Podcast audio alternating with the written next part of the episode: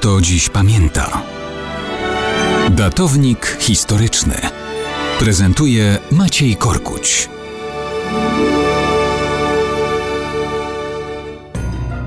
Mało kto dziś pamięta, że 15 maja 1239 roku na ślubnym kobiercu stanął Aleksander II, król Szkocji.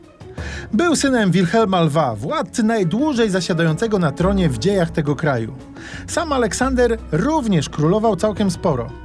Jednak jego 35-letnie dźwiganie korony na skroniach to zdecydowanie mniej niż 49 lat panowania ojca. Miał 16 lat, kiedy został królem. Jego pierwszą żoną była Joanna Plantagenet, najstarsza córka króla Anglii Jana bez ziemi. W momencie ślubu on miał 23 lata, ona była zaledwie 11-letnią dziewczynką. Oczywiście była jeszcze za młoda na pełne relacje małżeńskie. Trzeba było poczekać, ale tak się poukładało, że minęło kilkanaście lat, a para królewska Szkocji potomstwa żadnego nie miała. Kiedy Joanna zmarła, Aleksander ożenił się ponownie. Tym razem jego wybranką była francuska Marie de Coucy z Picardii. Huczny ślub odbył się właśnie 15 maja 1239 roku. Aleksander przy pomocy Francji skutecznie opierał się angielskim atakom na Szkocję z południa. Małżonkowie dali też Szkocji następcę tronu.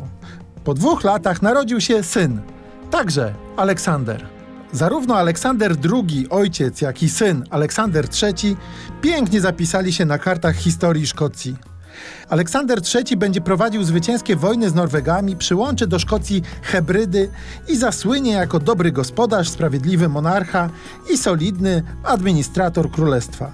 Ot, zwyczajna historia z północno-zachodniego skrawka Europy.